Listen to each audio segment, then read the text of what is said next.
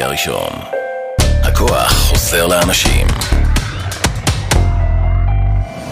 אתם מאזינים לרדיו החברתי הראשון.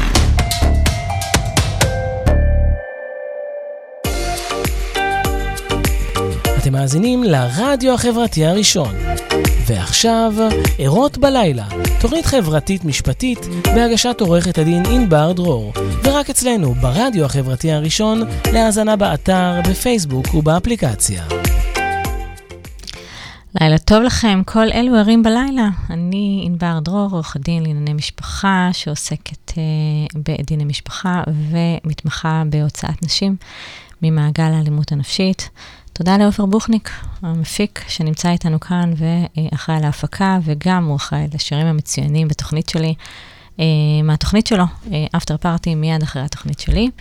ערות בלילה, אתם מוזמנים אה, לשתף את התוכנית אה, כדי לעורר מודעות עבור כל אלה שנמצאים במעגל האלימות הנפשית, ועבור כל אלה שרוצים קצת יותר להרחיב בענייני האלימות הנפשית. אנחנו מתחילים.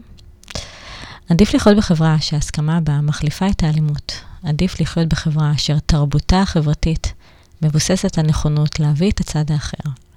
עדיף לחיות בחברה שבה החברתיות גוברת הלעומתיות.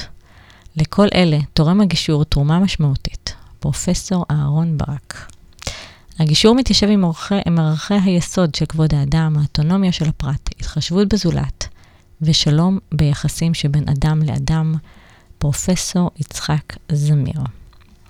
ערות בלילה, התוכנית היום uh, תעסוק בנושא הליכים חוץ-משפטיים בפתרון סכסוכי גירושין. הסטטיסטיקה מדברת על כך שזוג אחד מתוך שלושה זוגות נשואים מתגרש. השאלות שעולות לכל זוג שמתגרש הוא איך מתגרשים. היום נבין מה קורה למשפחה בעת הליך גירושים לוחמני, ולמה נחוץ כל כך לסיים קשר זוגי ועדיין להישאר משפחה מתפקדת. החלום ושברו בני הזוג מתמודדים עם אובדן החלום של משפחה מאוחדת, אובדן של בן הזוג ואי ודאות כלכלית בעקבות הפרידה. הילדים מאבדים יציבות, התא המשפחתי מתפורר, ולעיתים הם קורבן לניכור הורי. האם ההליך הגישורי מתאים לכל אחד? והאם ההליך המשפטי הוא לעיתים בלתי נמנע?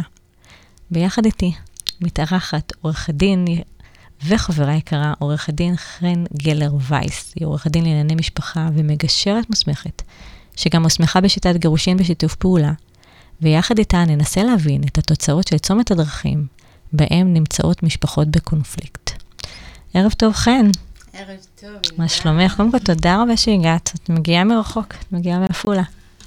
אז uh, לכבוד הוא לי קודם כל לארח אותך. Uh, ספרי קצת על עצמך. מי את? מה את?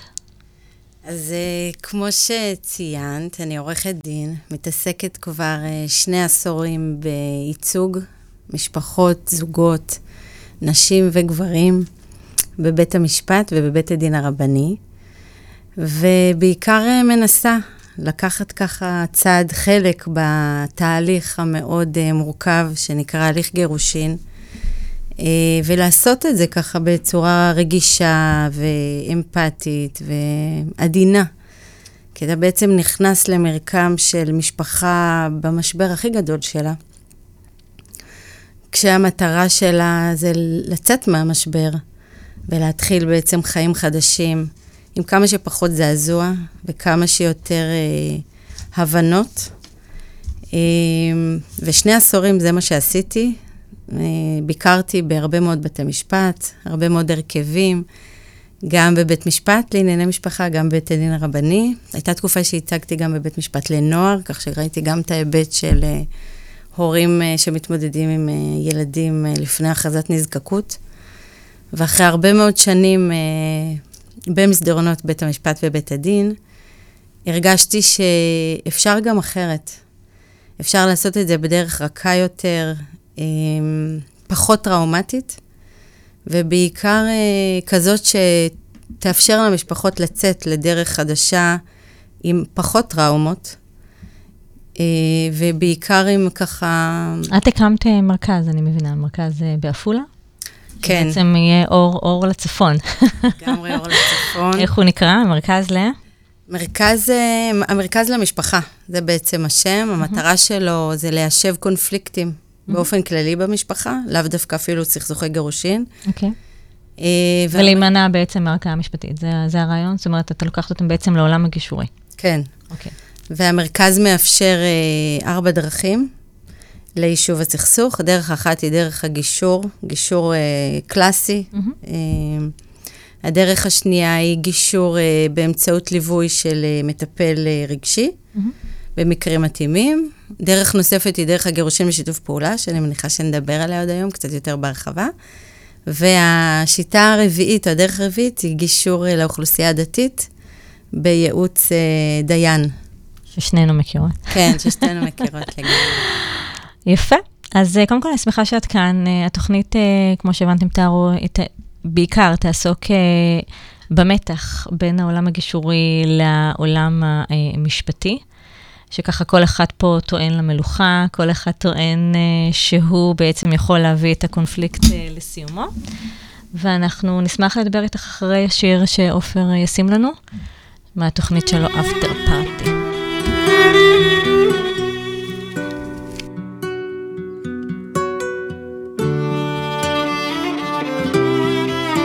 לא עוד חלום שמשקר לי, אמיתי מה שקורה לי. לא עוד תקוות שווא, תראי, הפעם טוב רק מחכה לי. את כל הכישלונות מאחוריי השארתי, מביט קדימה כי לאחור מספיק רב לי. עם לב שבור אני יוצא למסע שמחכה לי. כבר כמעט ויתרתי לגורל כבר אמרתי לא אוכל לשנות את המזל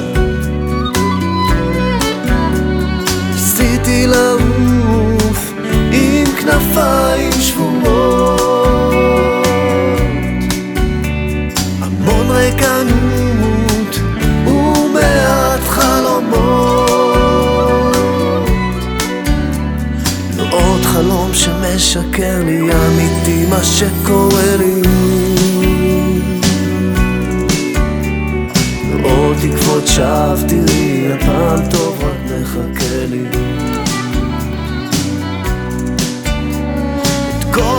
הכישלונות מאחוריי השארתי מביט קדימה לאחור מספיק כאב לי. לב שבור אני יוצא למסע שמחכה לי. עד שהסתכלת לתוך עיניי. עד שבאת ושינית את חיי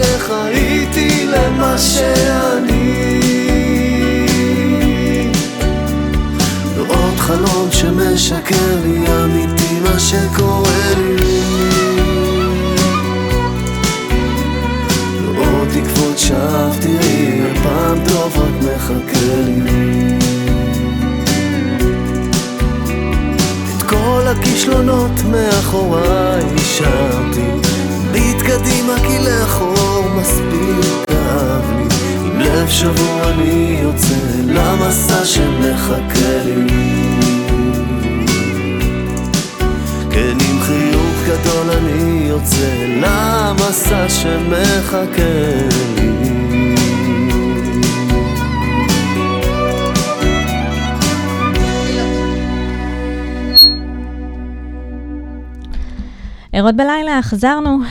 אה, איתי חן גלר וייס, אה, עורך דין ומגשרת מוסמכת, אה, שהציגה את עצמה מאוד יפה, וגם את המרכז שלה בעפולה, אחרי ש-20 שנה היא עסקה בליטיגציה, ועכשיו את נמצאת עמוק עמוק בתוך העולם הגישורי. בואי נתחיל לדבר על הקונפליקט והמתח בין העולם הגישורי לעולם הניהול המשפטי. בני זוג מחליטים שהם רוצים להתגרש. אני מניחה שההחלטה הזאת לא מגיעה בעקבות שלום מרובה ביניהם. אבל בעצם עומד לפניהם שני אפשרויות, או עולם באמת, או הסכם, הסכם, מה שנקרא, את יודעת, שהם יושבים ביחד ומסכימים על דברים כמו משמורת, זמני שהות, פירוקי שיתוף והכול, או ניהול הליך משפטי. מה לפי דעתך השיקולים שבני זוג צריכים לקחת לפני שהם ככה אה, מתחילים את ההליך? אם זה גישור או אם זה אה, הליך אה, משפטי. אז קודם כל, אה, בתפיסה שלי, mm-hmm. היות וה... בעיקר, אני, קודם כל נחלק את זה, זוג שככה מתגרש כשיש עוד ילדים קטנים, או זוג בכלל שיש לו ילדים, אז uh, התפיסה היא שהזוגיות מסתיימת, אבל המשפחה לעולם נשארת. ולנצח הזוג הזה יצטרך, uh, קודם כל עם הילדים צעירים, להמשיך לגדל אותם. כמו שאנחנו יודעים, חוק הכשרות המשפטית והאפוטרופסות מחייב uh, הורים שהם אפוטרופסים טבעיים של הילדים, לגדל אותם, לספק את הצרכים הפיזיים, הנפשיים, uh, עד הגיעם לגיל 18, לגיל 18 בחברה שלנו, הצורך הזה של so called גידול הילדים נמשך עד סיום הצבא, אז כן. אנחנו כבר מגיעים לגיל 2021. Mm-hmm. אה, ואחר כך כל היתר, אה, נישואים של הילדים, אה, חתונות, לידת נכדים. זאת אומרת, אנחנו מדברים פה על שותפות ארוכת שנים, ולאו דווקא שותפות בקשר הזוגי, אלא בעצם יש ביניהם איזשהו משהו שקושר ביניהם, שזה הילדים. וזה בעצם הנטייה שלך לבוא ולהגיד, רבותיי, דקה לפני שאתם מתחילים את ההליך המשפטי, בואו לעולם הגישורי שלי, ותראו איך אתם בעצם יוצאים מכל הקונפליקט הזה אה, בצורה שתשאיר אתכם אה, בשותפות הזאת, אבל עם אה, מה שנקרא שיתוף פעולה למען הילדים. אני אומרת שזה must. Mm-hmm. must, כי מה שקורה זה כשהסכסוך אה, מוסלם, וזה לא יעזור. כשמגיעים לבית המשפט חייבים לקחת את הסכסוך לקצוות. מעצם העובדה שיישוב הסכסוך בבית המשפט אה, הוא תולדה של אה, כתיבה של כתבי טענות. כן. בכתבי הטענות כל אחד מהצדדים מעלה את העמדה שלו, והיות והשופט צריך להכריע, אז כידוע, מה שלא תבקש לא תקבל, ותמיד מבקשים קצת יותר אפילו ממה שחושבים שמקבלים, אה, וזה מסלים. מה זאת אומרת? את מדברת איתי לדוגמה במזונות, אז תמיד כאילו מבקשים קצת יותר, ואז מה, זה מלחיץ את הצד השני? איך, איך, איך בעצם אני אמור לעמוד אה, בסכום של המזונות הזה? זאת אומרת, מלכתחילה את מדברת איתי על הסלמה שהיא מתחילה בכתבי הטענות. היא מתחילה בכתבי הטענות, אה, בכל הליך. זאת אומרת, mm-hmm. אם אנחנו מדברים על גירושין, אז כדי להוכיח עילת גירושין, אנחנו חייבים להראות שבהתאם להלכה קרה אירוע שהוא באמת מהווה עילת גירושין. לא מספיק להגיד, נמאס לי, מאסתי בו, גם המאיסות צריכה להיות באמתלה מבוררת. את מדברת על ערכאה של בית הדין הרבני, לא? הכל, גם בית הדין, גם בית המשפט. אם זה, אם זה בגירושין, אז אנחנו צריכים להראות אמתלה מבוררת. אה, ובעצם סיבה, סיבה מספיק טובה וחזקה. אם זה במזונות, אז היא, האישה בדרך כלל תבקש מזונות גבוהים, והאיש ירצה מזונות נמוכים, גם לפני הבעם, אבל גם אחרי הבעם, 919. יש לי שאלה, דווקא בואי בוא ננסה דקה להתעכב על העניין הזה של אה, משמורת uh, משותפת. Um, את חושבת שבהליך הגישורי יהיה יותר קל uh, לצדדים, ואני מדברת פה על דווקא האישה, וילדים שהם ילדים קטנים, לקבל את הרעיון של משמורת משותפת יותר מאשר בהליך ניהול משפטי? אני באופן כללי חושבת שכשיושבים ובאמת מבררים את הצרכים כן. והשיח הוא שיח של בירור צרכים, mm-hmm. ולא שיח של עמדות, אז אפשר בחופשיות ובאמת באמיתיות כן. לבדוק אה, מה, מה הרצונות, מה היכולות, ומה טוב למשפחה ולצדדים. בבית המשפט הרבה פעמים קורה שאנשים מבקשים דברים שהם אפילו לא בטוחים שהם יוכלו לעמוד בהם, אבל הם מבקשים כי זה עולה בקנה אחד עם האינטרס שלהם. ועם האינטרס הכללי של ניהול התיק. אם אני רוצה לשלם פחות מזונות, אני אבקש משמורת משותפת. כן. ולא לא בטוח שאני יכול לעמוד. אנשים שלאו דווקא היו מאוד שותפים בגידול הילדים, ופתאום רוצים משמורת משותפת, לא יודעים אפילו במה כרוך גידול ילדים, אבל הם רוצים, כי, כי אמרו אז, להם שזה אז, מה אז, שצריך. אז יש לי שאלה. אז עכשיו אה, הוא בא להליך גישורי, אבל הוא עדיין מבין, בהיגיון שלו, שיותר זמן עם הילדים שווה פחות כסף. למה את חושבת שבהליך הגישורי משהו שם משתנה? איזה כלים יש בעולם הגישורי כדי בעצם להזיז אותו מהעמדה הזאת של אינטרס לעמדה של בירור צרכים? אה, קודם כל, אפשר אה, לתת תקופת ניסיון. מה שבבית משפט אה, אתה לא יכול, אתה חייב להגיש כתבי טענות, ומ-day one אתה צריך להגיד מה אתה רוצה, כן. ומהרגע הראשון זה עובר לעובדת סוציאלית כדי שתיתן תזכיר, וזה מה שהיא קוראת. וזה מה שהשופט רואה. עכשיו, אתה לא יכול להגיד, רגע, רגע, אני אמרתי את זה בכתבי הטענות, אבל אני שנייה רוצה לנסות ולראות אם זה מתאים לי, אם אני יכול לעמוד בזה, אם אני יכול לבקש חופש מהמעסיק שלי פעמיים, שלוש פעמים בשבוע, אם אני באמת יכול להכיל שלושה ילדים אצלי בבית בכל סוף שבוע עד עכשיו. לא אני עשיתי את כל התפקידים האלה. בגישור אפשר, או בכל הליך הסכמי, אפשר, אפשר לתת לזה צ'אנס. ואפילו להעלות את זה, את יודעת, להעלות את זה, מה שנקרא מדורג. לא מיד... אה, בואי נדבר רגע על הליך uh, גישור uh, קלאסי. בהליך גישור קלאסי באים זוג, אומרים, אוקיי, אנחנו החלטנו שאנחנו רוצים להתגרש. את המגשרת, איך את בעצם מבררת את הצרכים, איך את בעצם מזיזה אותם דווקא לכיוון, כמו שאמרת, פחות אינטרס, יותר ברור צרכים ויותר, מה שנקרא, נקודתית למשפחה הזאת, לתפור את החליפה המתאימה, מה שנקרא, את ההסכם המתאים. אה, אני חושבת שהדבר הראשון שחשוב לעשות זה לחבר אנשים לחזון שלהם. אה, המון אנשים חיים על אוטומט, לא שואלים את עצמם, גם ביום-יום, לא רק ב... ב... בעת גירושין ומשבר, מה אני רוצה, איך אני רוצה, אה, האם אני בכלל חי את החיים שאני רוצה. ובטח ובטח שכשכל החיים עומדים רגע לפני פירוק, שום דבר לא ייראה אותו דבר, זהה וגם לפעמים לא דומה למה שהיה קודם, כשאתה נמצא במשבר גירושין. אז חשוב לשאול מה בעצם אנשים רוצים. אה, וברגע שזוג גם בונה איזשהו חזון משותף, אז אה, אפשר למצוא המון ממשקים, ובעצם זאת נקודת ההתחלה. למצוא את הדומה, למצוא מה המשותף. כי הרבה פעמים, אם דיברנו על שיח לעומתי בראשית הדברים, אז כשמדברים על המשותף, אז פחות עוסקים ב, במנגד. וזאת נקודת uh, פתיחה מאוד טובה ל- להתחיל ליצור uh, הסכמות. ובמקומות שיש אי-ודאות וחוסר בשלות, אז אחד בא לקראת השני. זאת אומרת, הציפייה היא שכל אחד אה, אה, רגע יבין ויראה גם את הצרכים של הצד האחר, ויסייע, יסייע במקום החלש, במקום המתלבט, במקום הלא בטוח. בגלל זה תהליך גישור הוא תהליך.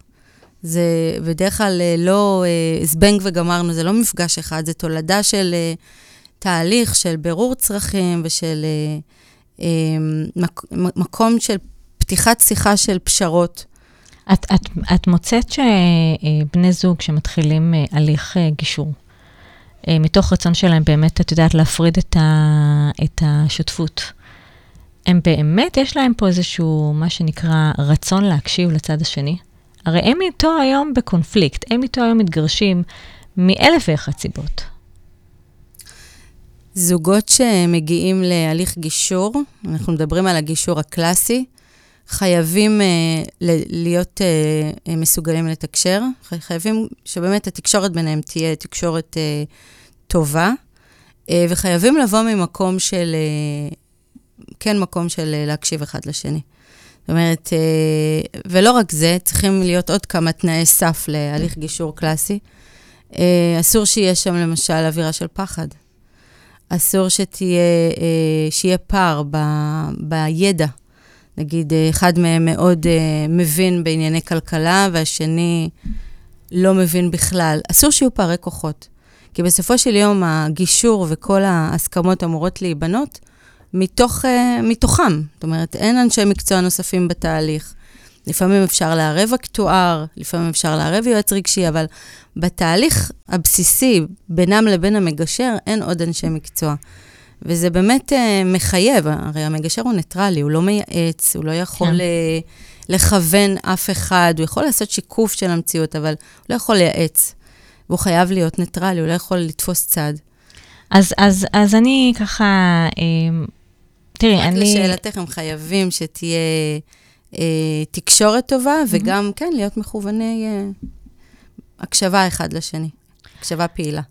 אז, אז אני ככה רוצה להציג בפנייך כמה, לטעמי, אני לא מגשרת, אני מה שנקרא עוסקת uh, בליטיגציה בבית המשפט, ורק בליטיגציה בבית המשפט. זאת אומרת שאני בדרך כלל לוקחת צד אחד.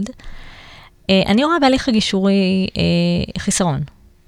מהבחינה הזאת שקודם כל זה הליך וולונטרי, אנחנו דיברנו על זה שזה הליך וולונטרי, זה הליך ששני הצדדים בעצם מגיעים להליך הגישור. אין איזשהו משהו, איזשהו משהו שיכול, אה, אה, אני לא יודעת, להכריח זו מילה אה, קשה, אבל כן להכניס אותם לאיזשהו מין סד זמנים, אה, אה, קבלת החלטות, אין את זה בהליך הגישור. זאת אומרת, מבחינתי, אדם נכנס להליך הגישור, יכול גם לסיים אותו עוד חצי שנה, וכבר הגיעו לפתחי תיקים, שאנשים היו חמישה, שישה חודשים בהליך הגישור, התפוצץ, ומתחילים את הסאגה של אה, הגשת אה, אה, תביעות.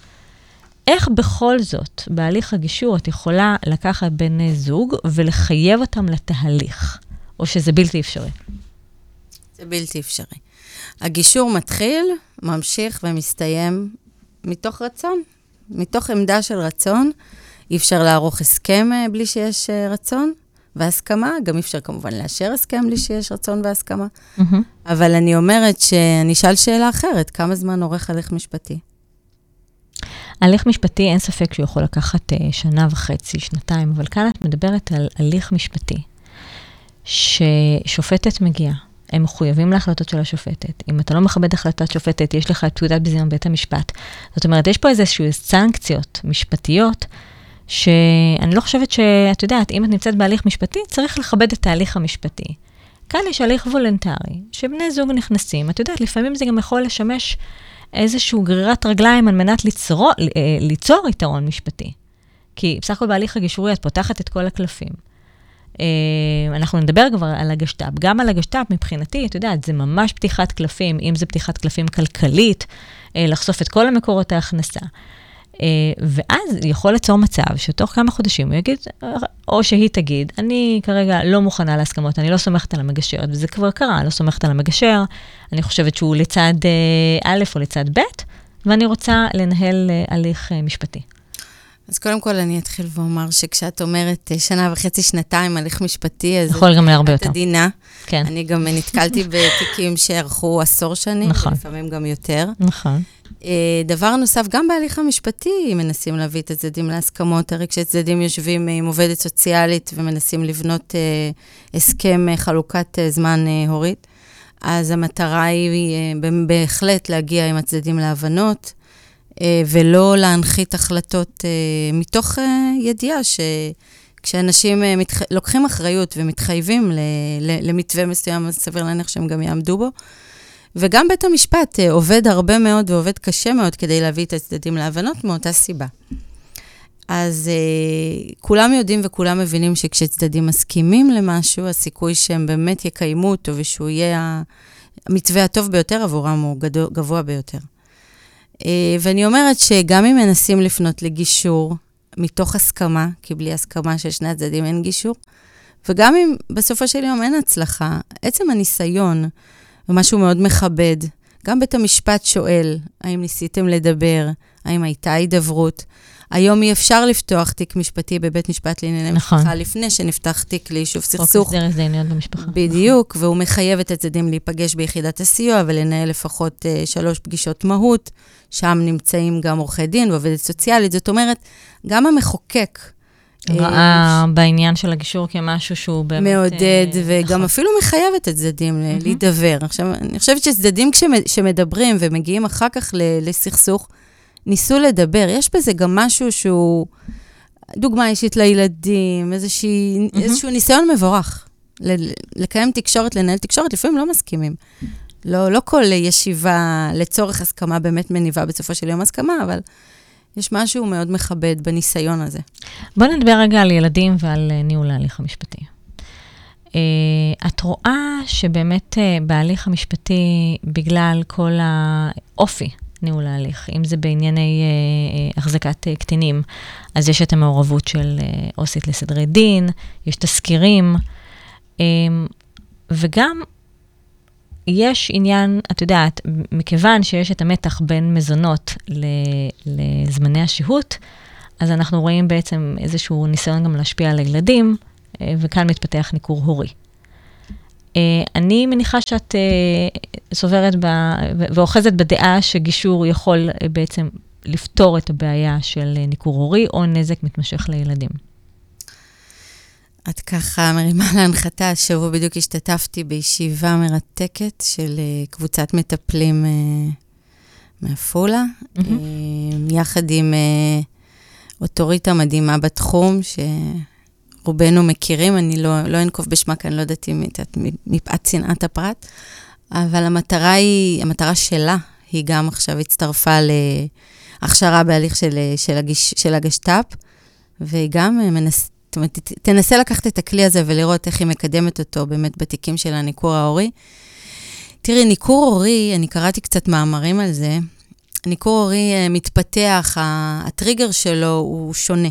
זאת אומרת, יש כמה טריגרים שיכולים ככה לגרום להתפתחות של ניכור הורי. אז כמובן, יש את המקרים הקלים יותר, שמתחילים על רקע של סכסוך ושל תחושה של אה, אה, הדרת אה, רגליים כזו או אחרת ושל אה, הסתה, אבל הסתה, את יודעת, קלה, mm-hmm. לא פתולוגית, של אחד ההורים אה, כלפי ההורה האחר. אז כמובן שבמקרים הקלים, ההידברות והטיפול בטריגרים שמייצרים את זה, זה הפתרון הטוב ביותר, ובוודאי שכתיבה, זאת אומרת, פתיחה בהליך משפטי, יכולה לפעמים לעצור את זה, אבל לפעמים גם לדרדר את זה. ואני אישית טיפלתי בלא מעט מקרים שלצערי הטיפול המשפטי לא, לא הצליח לפתור את זה. אמ, ולפעמים אפילו הסלים את זה, כי את יודעת, ברגע שהגורם המנקר הרגיש מותקף, אז הוא הרבה פעמים מתבצר בעמדה התוקפנית שלו, ואז הילד הרגיש את ה... שהוא חייב אה, לנקוט עמדה ולתפוס צד. שזה משהו שלפי דעתך לא יקרה בגישור? הגישור לא מאיים. בגישור יש טיפול. יש אלמנטים של טיפול, אין אלמנטים של לדחוק מישהו לפינה. Mm-hmm. אז, אה, וכמו שאמרתי, גם אצלנו אה, אני מציעה גישור בעבודה עם מטפל רגשי. שלא נדבר על הליכי הגשת"פ, הגירושין בשיתוף פעולה, ששם יש יועץ רגשי מוביל. אז אנחנו נייחד ככה זמן לגשת"פ. מבחינת נזקים לילדים, זאת אומרת, את באופן מובחן אומרת לי, ענבר, ברגע שזוג מתחיל הליך משפטי, רוב הסיכויים שיש שם נזק לילדים. אה, בגלל אופי ההליך. בגלל בעצם החדירה של עו"סית לסדרי דין, בגלל העניין הזה של תזכירים, שבעצם האב נמצא בבחינה, האימא נמצאת בבחינה. אה, יש שם מתח, יש שם קונפליקט מאוד מאוד גדול וקונפליקט נאמנות של הילד. אז בעצם ההליך המשפטי מבחינתך הוא משהו ש-must שיהיה שם, החובה שיהיה שם איזשהו סוג של ניכור הורי או נזק לילדים, בניגוד לגישור.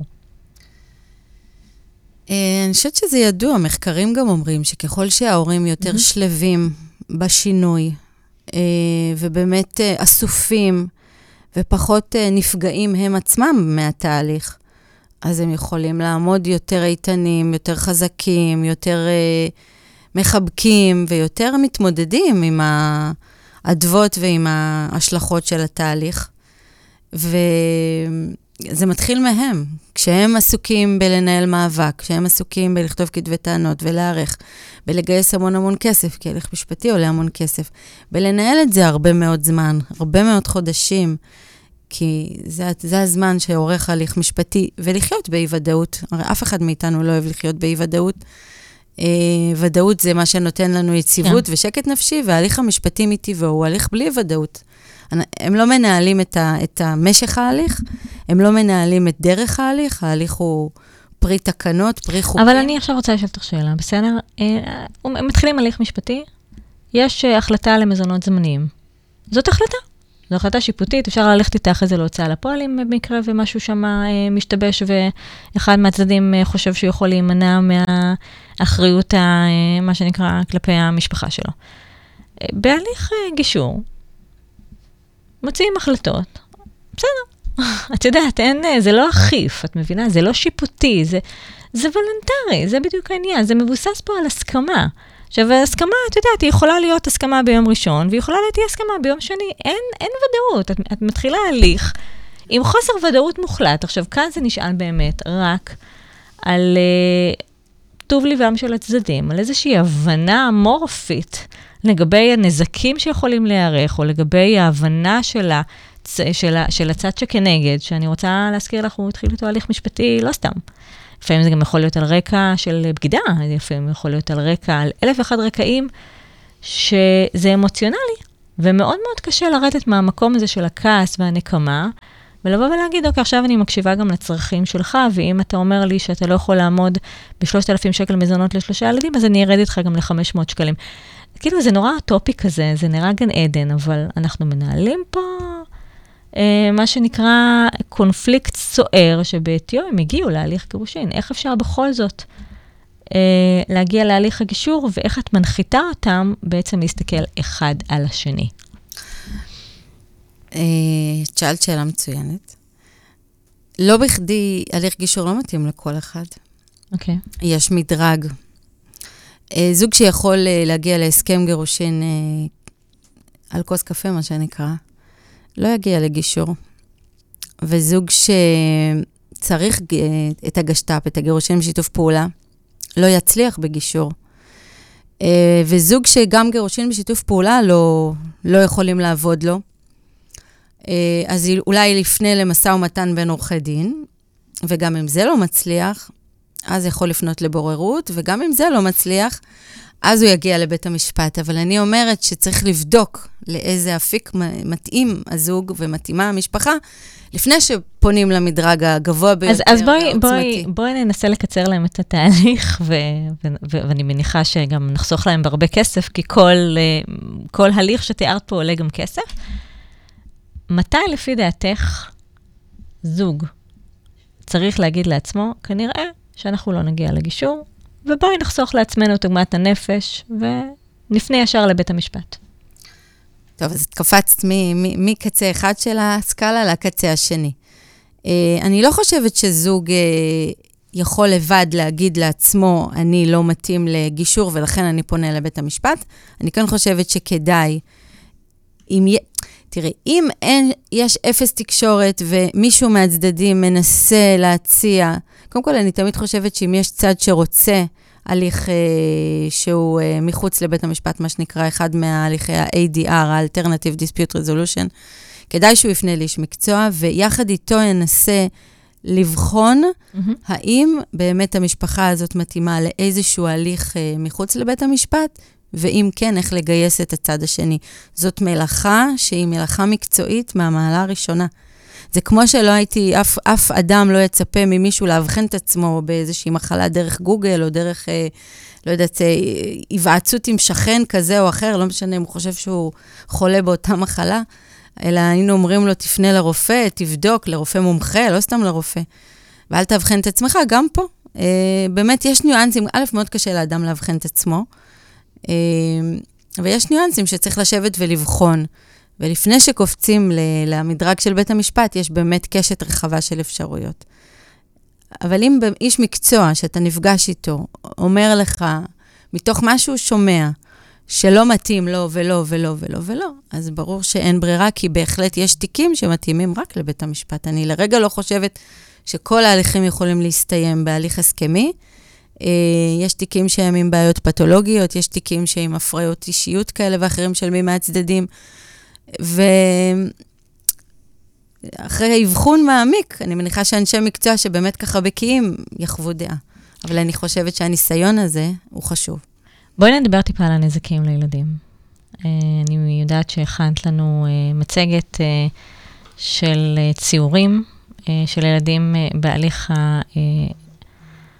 אני לא יודעת אם לקרוא לזה הליך המשפטי, אבל אין ספק שהליך הגירושים, גם אם זה בגישור וגם אם זה בהליך המשפטי, משפיע על הנפש של הילדים.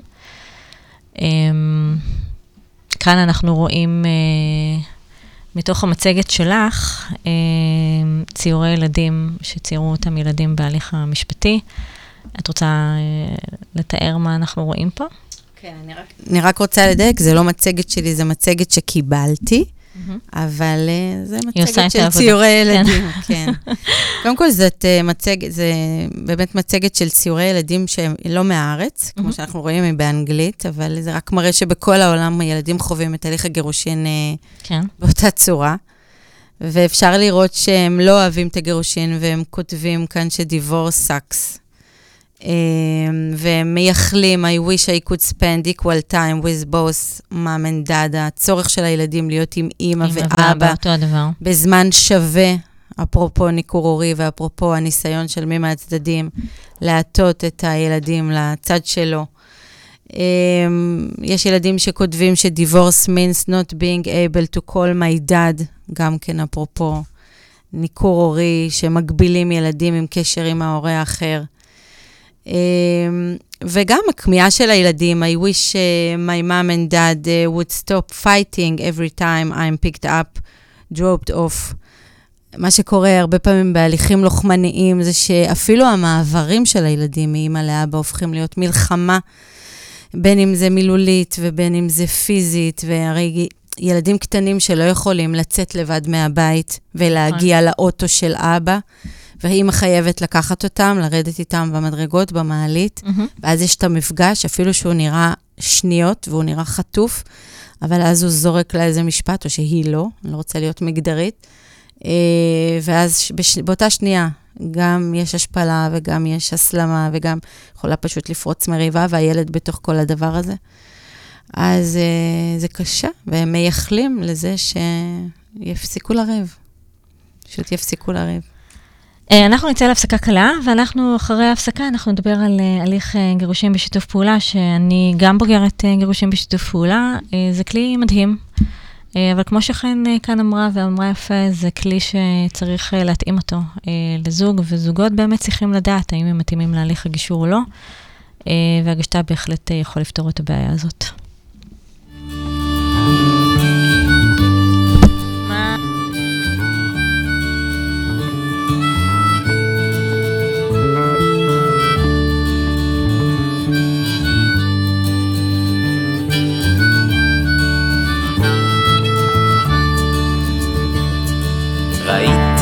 את האהבה פוסעת על המדרכה, מישירה את מבטה לראות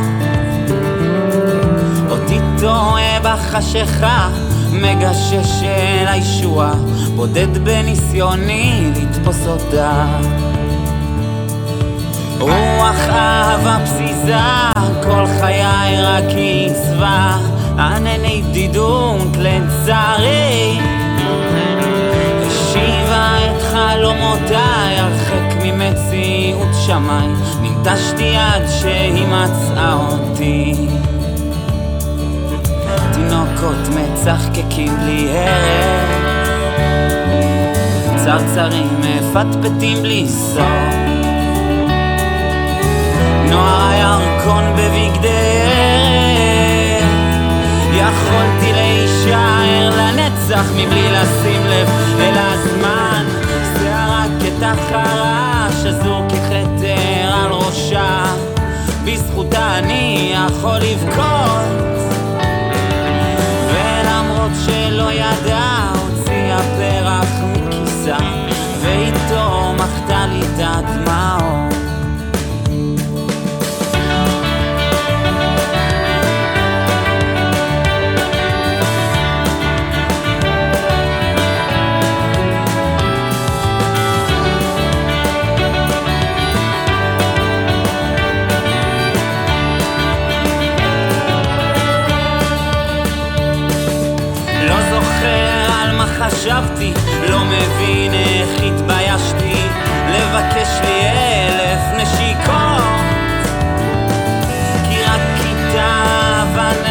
פגע ישר במטרה את בדידותי קטע כשנשארה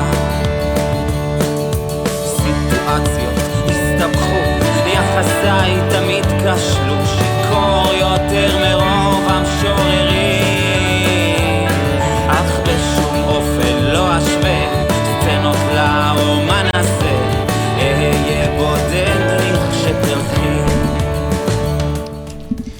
חזרנו ערות uh, בלילה, אני עם uh, חן גלר וייס, שדיברה איתנו על uh, הליך גישור מול ההליך המשפטי.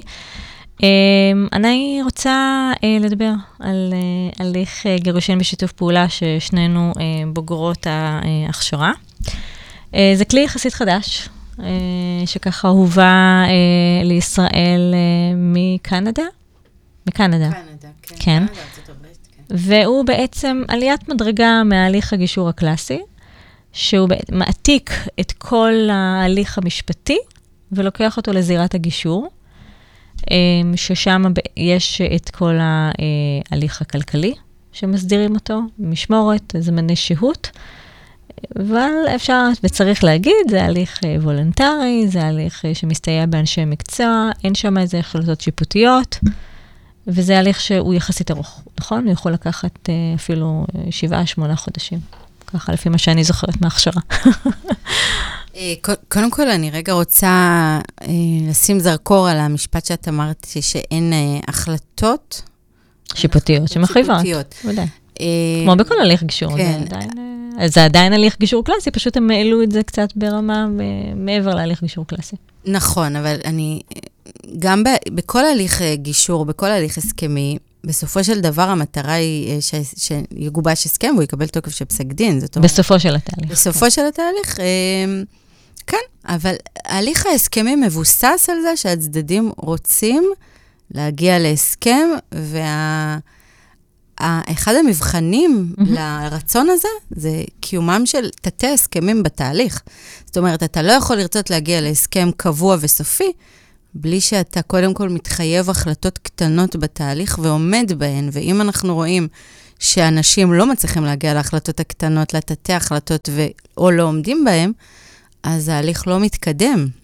ואם הוא לא מתקדם, אז הוא יכול גם להסתיים. זאת אומרת, וזה בעצם ה... ואז בעצם יוצא שהם בזבזו שום- זמן. או שהם בזבזו זמן, אבל הם... תראי, אני, אני, לא, אני לא מרגישה ולא חושבת שזה בזבוז זמן, כי אם זוג רוצה. לנהל הליך, או לנסות לנהל הליך, אז זה לא בזבוז זמן. זה כמו שנגיד, זה שהם חיו ביחד 20 שנה ולא התגרשו 15 שנה קודם, זה בזבוז זמן. אבל כל דבר יש יש כאלה בשלות. שבהחלט מרגישים את זה.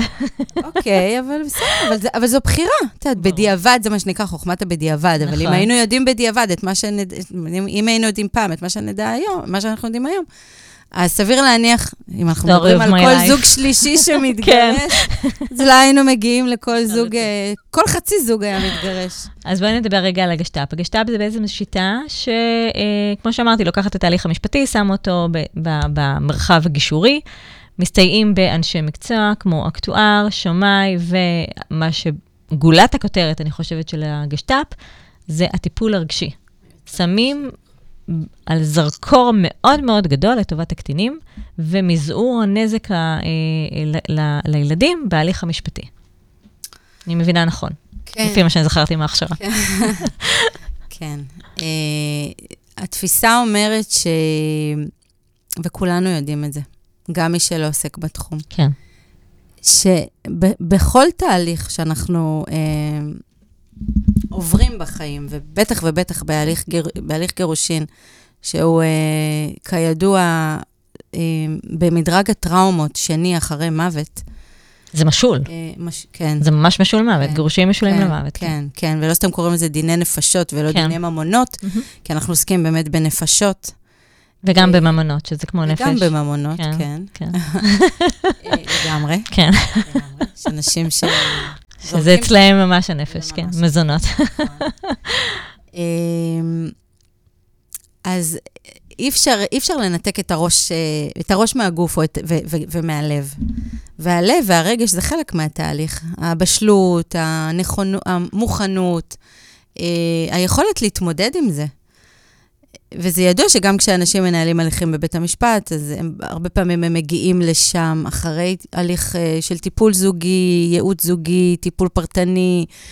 לא משנה אם זה כדי לבדוק אם באמת uh, הגיעה השעה להיפרד, או כדי לגייס כוחות להיפרד, שזה גם חלק מה, מצורך של uh, כל אדם uh, כדי לנהל הליך כזה. אני תמיד אמרתי לאנשים שגם אם אני, uh, זאת אומרת, גם אם אני נגיד מפקדת הקרב, אני חייבת חיילים כדי לנהל אותו, ואם אין לי חיילים לצאת לקרב, אז, אז אנחנו נדבר על העניין של הקרב. בהליך אה, גישור אה, בשיתוף פעולה, אנחנו מדברים, אה, ש- יש ישיבה עם כל אנשי הצוות, אם זה אקטואר, אם זה שמאי, אקטואר זה כמובן ל- לעניין של האיזון המשאבים והפנסיות וכל החסכונות, שמאי לגבי הדירה, ומטפל רגשי שיכול לעזור בכל מה שקשור, הוא בעצם מחליף את העו"ס, אפשר להגיד אפילו? הוא מחליף את האוס, אבל הוא עושה הרבה יותר מזה. ברור, הוא, זה איזשהו הליך אה, רגשי שכל המשפחה עוברת בגיש, בגירושים בשיתוף פעולה? כן. התפקיד של היועץ הרגשי הוא, Mhm. ל, הוא לבחון ולטפל, זאת אומרת, הוא לא מטפל, אבל הוא בוחן ו, וככה מנסה לשקף לצדדים כן. את הצרכים שלהם. אמ, אם הוא מזהה שמישהו מהם צריך באמת ליווי אה, רגשי אה, צמ, צמוד, מהמם. אז הוא ימליץ כמובן. אה, עוזר להם גם ככה לאבד. את יודעת שאדם, אה, שבני זוג מגיעים להליך אה, משפטי, שמחליטים שהם רוצים להיפרד, רמת האמון היא לא בשמיים. וכאן בהליך גשט"פ, את נדרשת, במיוחד שיש את האקטואר של כל ההליך הכלכלי, לחשיפה של כל הקלפים הכלכליים, מה שנקרא גילוי מסמכים נרחב, וזה די ברור שבהליך משפטי, את יודעת, מנסים לצמצם את שורת הרווח, על מנת uh, לא להתחייב בהרבה מזונות, על מנת uh, גם לא יותר מדי uh, לחלוק uh, את מה שצברנו במהלך החיים המשותפים עם בן זוג השני. Um, זאת הבעיה שלי בעצם בכל ההליך הגישורי, ש, שזה מגיע לרמת אמון שהיא צריכה להיות בשמיים, במצב שמלכתחילה האמון שם הוא לא בשמיים. איך אפשר לגשר על הפער הזה? לבוא ולהגיד לבני זוג, אתם צריכים חשיפת מסמכים כלכלי רחב, כדי שנדע בעצם לאזן ולחלוק, ואת מבינה שהם נמצאים במקום שזה האמון שלהם, את יודעת, זה לא כזה... מאיפה את יודעת אם הם מבריחים, לא מבריחים, מה הם מסתירים, מה הם מגלים? היופי בגירושין בשיתוף פעולה, אה, זה שהצדדים מיוצגים על ידי עורכי דין, מהמם. בהליך הסכמי. אה, גם חשוב לציין שעורכי הדין אה, לא יכולים להמשיך לייצג את הצדדים אה, אחר כך בבית כן. המשפט. אם מנועים. התהליך, מנועים, אם התהליך אה, לא מבשיל לכדי הסכם. אבל, וזה בעצם מוריד את המוטיבציה שלהם, של עורכי הדין, שלא להגיע להסכם. רוב העורכי דין שעוסקים בתחום, בכל מקרה אין מוטיבציה להגיע לבית המשפט, אבל אני אומרת שאם יש כאלה שכן, אז זה גם גודע את המוטיבציה הזאת. אבל היופי בהליך הזה זה שהוא מאפשר, בדומה לבית המשפט, לעיין במסמכים, לגלות מסמכים, אה, לשאול שאלות, למנות מומחים רלוונטיים, אם יש חוסר אמון באמת, או בכלל, באופן כללי, אם צריך להגיע ולקבל חוות דעת.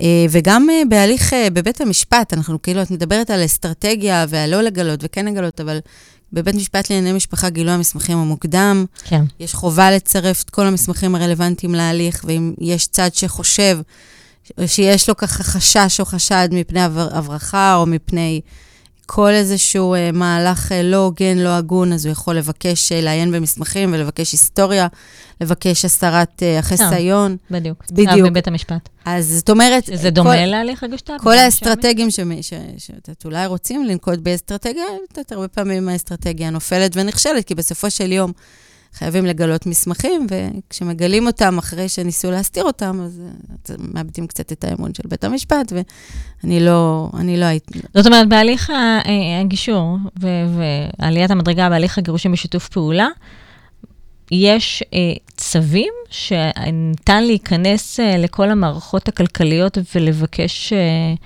נניח, מצב חשבון מיום... אה, אפשר להעביר מסמכים. אם צד אומר, אני רוצה לראות ניירת כזאת וכזאת, או אני רוצה למנות את האקטואר כדי שיבדוק לי מוניטין אישי, מוניטין עסקי, נכסי קריירה, אה, הברחות למיניהם, ברור, ה- הגשת"פ אה, אה, הוא פונה ל... אמרנו שזה מדרג גבוה יותר כן. של, של קונפליקטים חמורים יותר, או כן. של... אה, מאשר גישור. אז חלק מהסיבה לקונפליקטים החריפים יותר, רמת, רמת קונפליקט גבוהה יותר, זה חוסר אמון. ברור שאם יש חוסר אמון ואנחנו רוצים לטפל בחוסר האמון ויש פה ייצוג משפטי, כן. אז אנחנו חושפים מסמכים, אבל זה דומה להליך המשפטי, גם שם זה קורה. הרי גם בבית המשפט, גם כשיש עורכי דין ויש הליך משפטי קלאסי, לוחמני, אנחנו מנהלים משאים ומתנים על יסוד מסמכים שמועברים בכתבי הטענות, בין אם בעקבות אה, הגשה רגילה ובין אם בעקבות אה, גילוי מסמכים והסרת חיסיון. אז אה, אני מניחה, במרכז שלך אה, יש את הגשת"פ? אני אישית אה, מוכשרת גשת"פ, ומי שרוצה לקבל אה, שירות ו... של גשת"פ יכול לפנות, ואנחנו, אני אנחה איך, איך ממשיכים. Um, בסדר, אז אנחנו ככה סקרנו פחות או יותר את העולם הגישורי. אנחנו סקרנו את עולם הניהול ההליך המשפטי, יתרונות וחסרונות. Uh, אפשר לטעון ששניהם ככה um, טוענים למלוכה. Uh, שניהם uh, אוחזים בזה. אני לכל הפחות uh, העולם הגישור, אני, אני מודה, הוא עדיין קצת רחוק ממני, אבל ייתכן שאחרי 20 שנות ליטיגציה, אני אגיע למקום שאפילו פחות, כן. יש לי הרגשה שפחות. הצלחת לשכנע אותי, את אומרת. זה המקום שלי להגיד שלי ולכן היו הרבה שיחות לפני התוכנית. אה, אני קצת הבעתי בפניה את חוסר האמון שלי בהליך הגישור, מכיוון שאני ככה מאמינה בדברים קצת יותר חותכים. אה, אני מניחה שחן אה, ככה הזיזה אותי מהמדע. מסתבר שהיא מגשרת לא רעה בכלל. ואנחנו ככה לפני סיום, אני אשמח אם אנחנו נסכם את התובנות שלנו. הסופרת אניס נין כתבה, אם לא הייתי בונה לי את עולמי, סופי היה למות בעולמות שבנו עבורי אחרים. כל שותפות יכולה להסתיים יום מן הימים. חייבים לזכור שאותה שותפות הניבה פירות בדמות ילדים ומשפחה שתישאר תמיד. אתם אמנם בחרתם לא להישאר בני זוג, אבל אתם לנצח תישארו הורים ושותפים לגידולם. ההליך הסתיים, אבל זה הרבה תלוי בכם, מה תשאירו מאחור. אדמה חרוכה או אדמה שעליה ניתן להצמיח דור שלם של אנשים ללא נזקים נפשיים ורגשיים. תבנו את עולמם של ילדיכם בצורה שבה הייתם רוצים שהם יגדלו, גם עם השבר של פירוק התא המשפחתי. תבנו את עולמכם על ידי יצירת הסכמות שתוביל לחיי רוגע ושלווה. תודה רבה לך, חן גלר וייס, שהיית איתי. פתחת בפניי אה, צוהר לעולם הגישור והעולם שלך. Uh, אני מניחה שבאיזשהו שלב דרכנו ייפגשו ואנחנו uh, נשתף פעולה, במיוחד בגשת"פ. תודה רבה לרדיו החברתי הראשון, לעוז מזרחי. תודה לכם, צופים ומאזינים יקרים שלנו, עקבו אחרינו בפייסבוק ובאינסטגרם. אני זמינה לכל שאלה ותובנה שעולה בעקבות השידור, או סתם אם בא לכם להתייעץ או לשחח.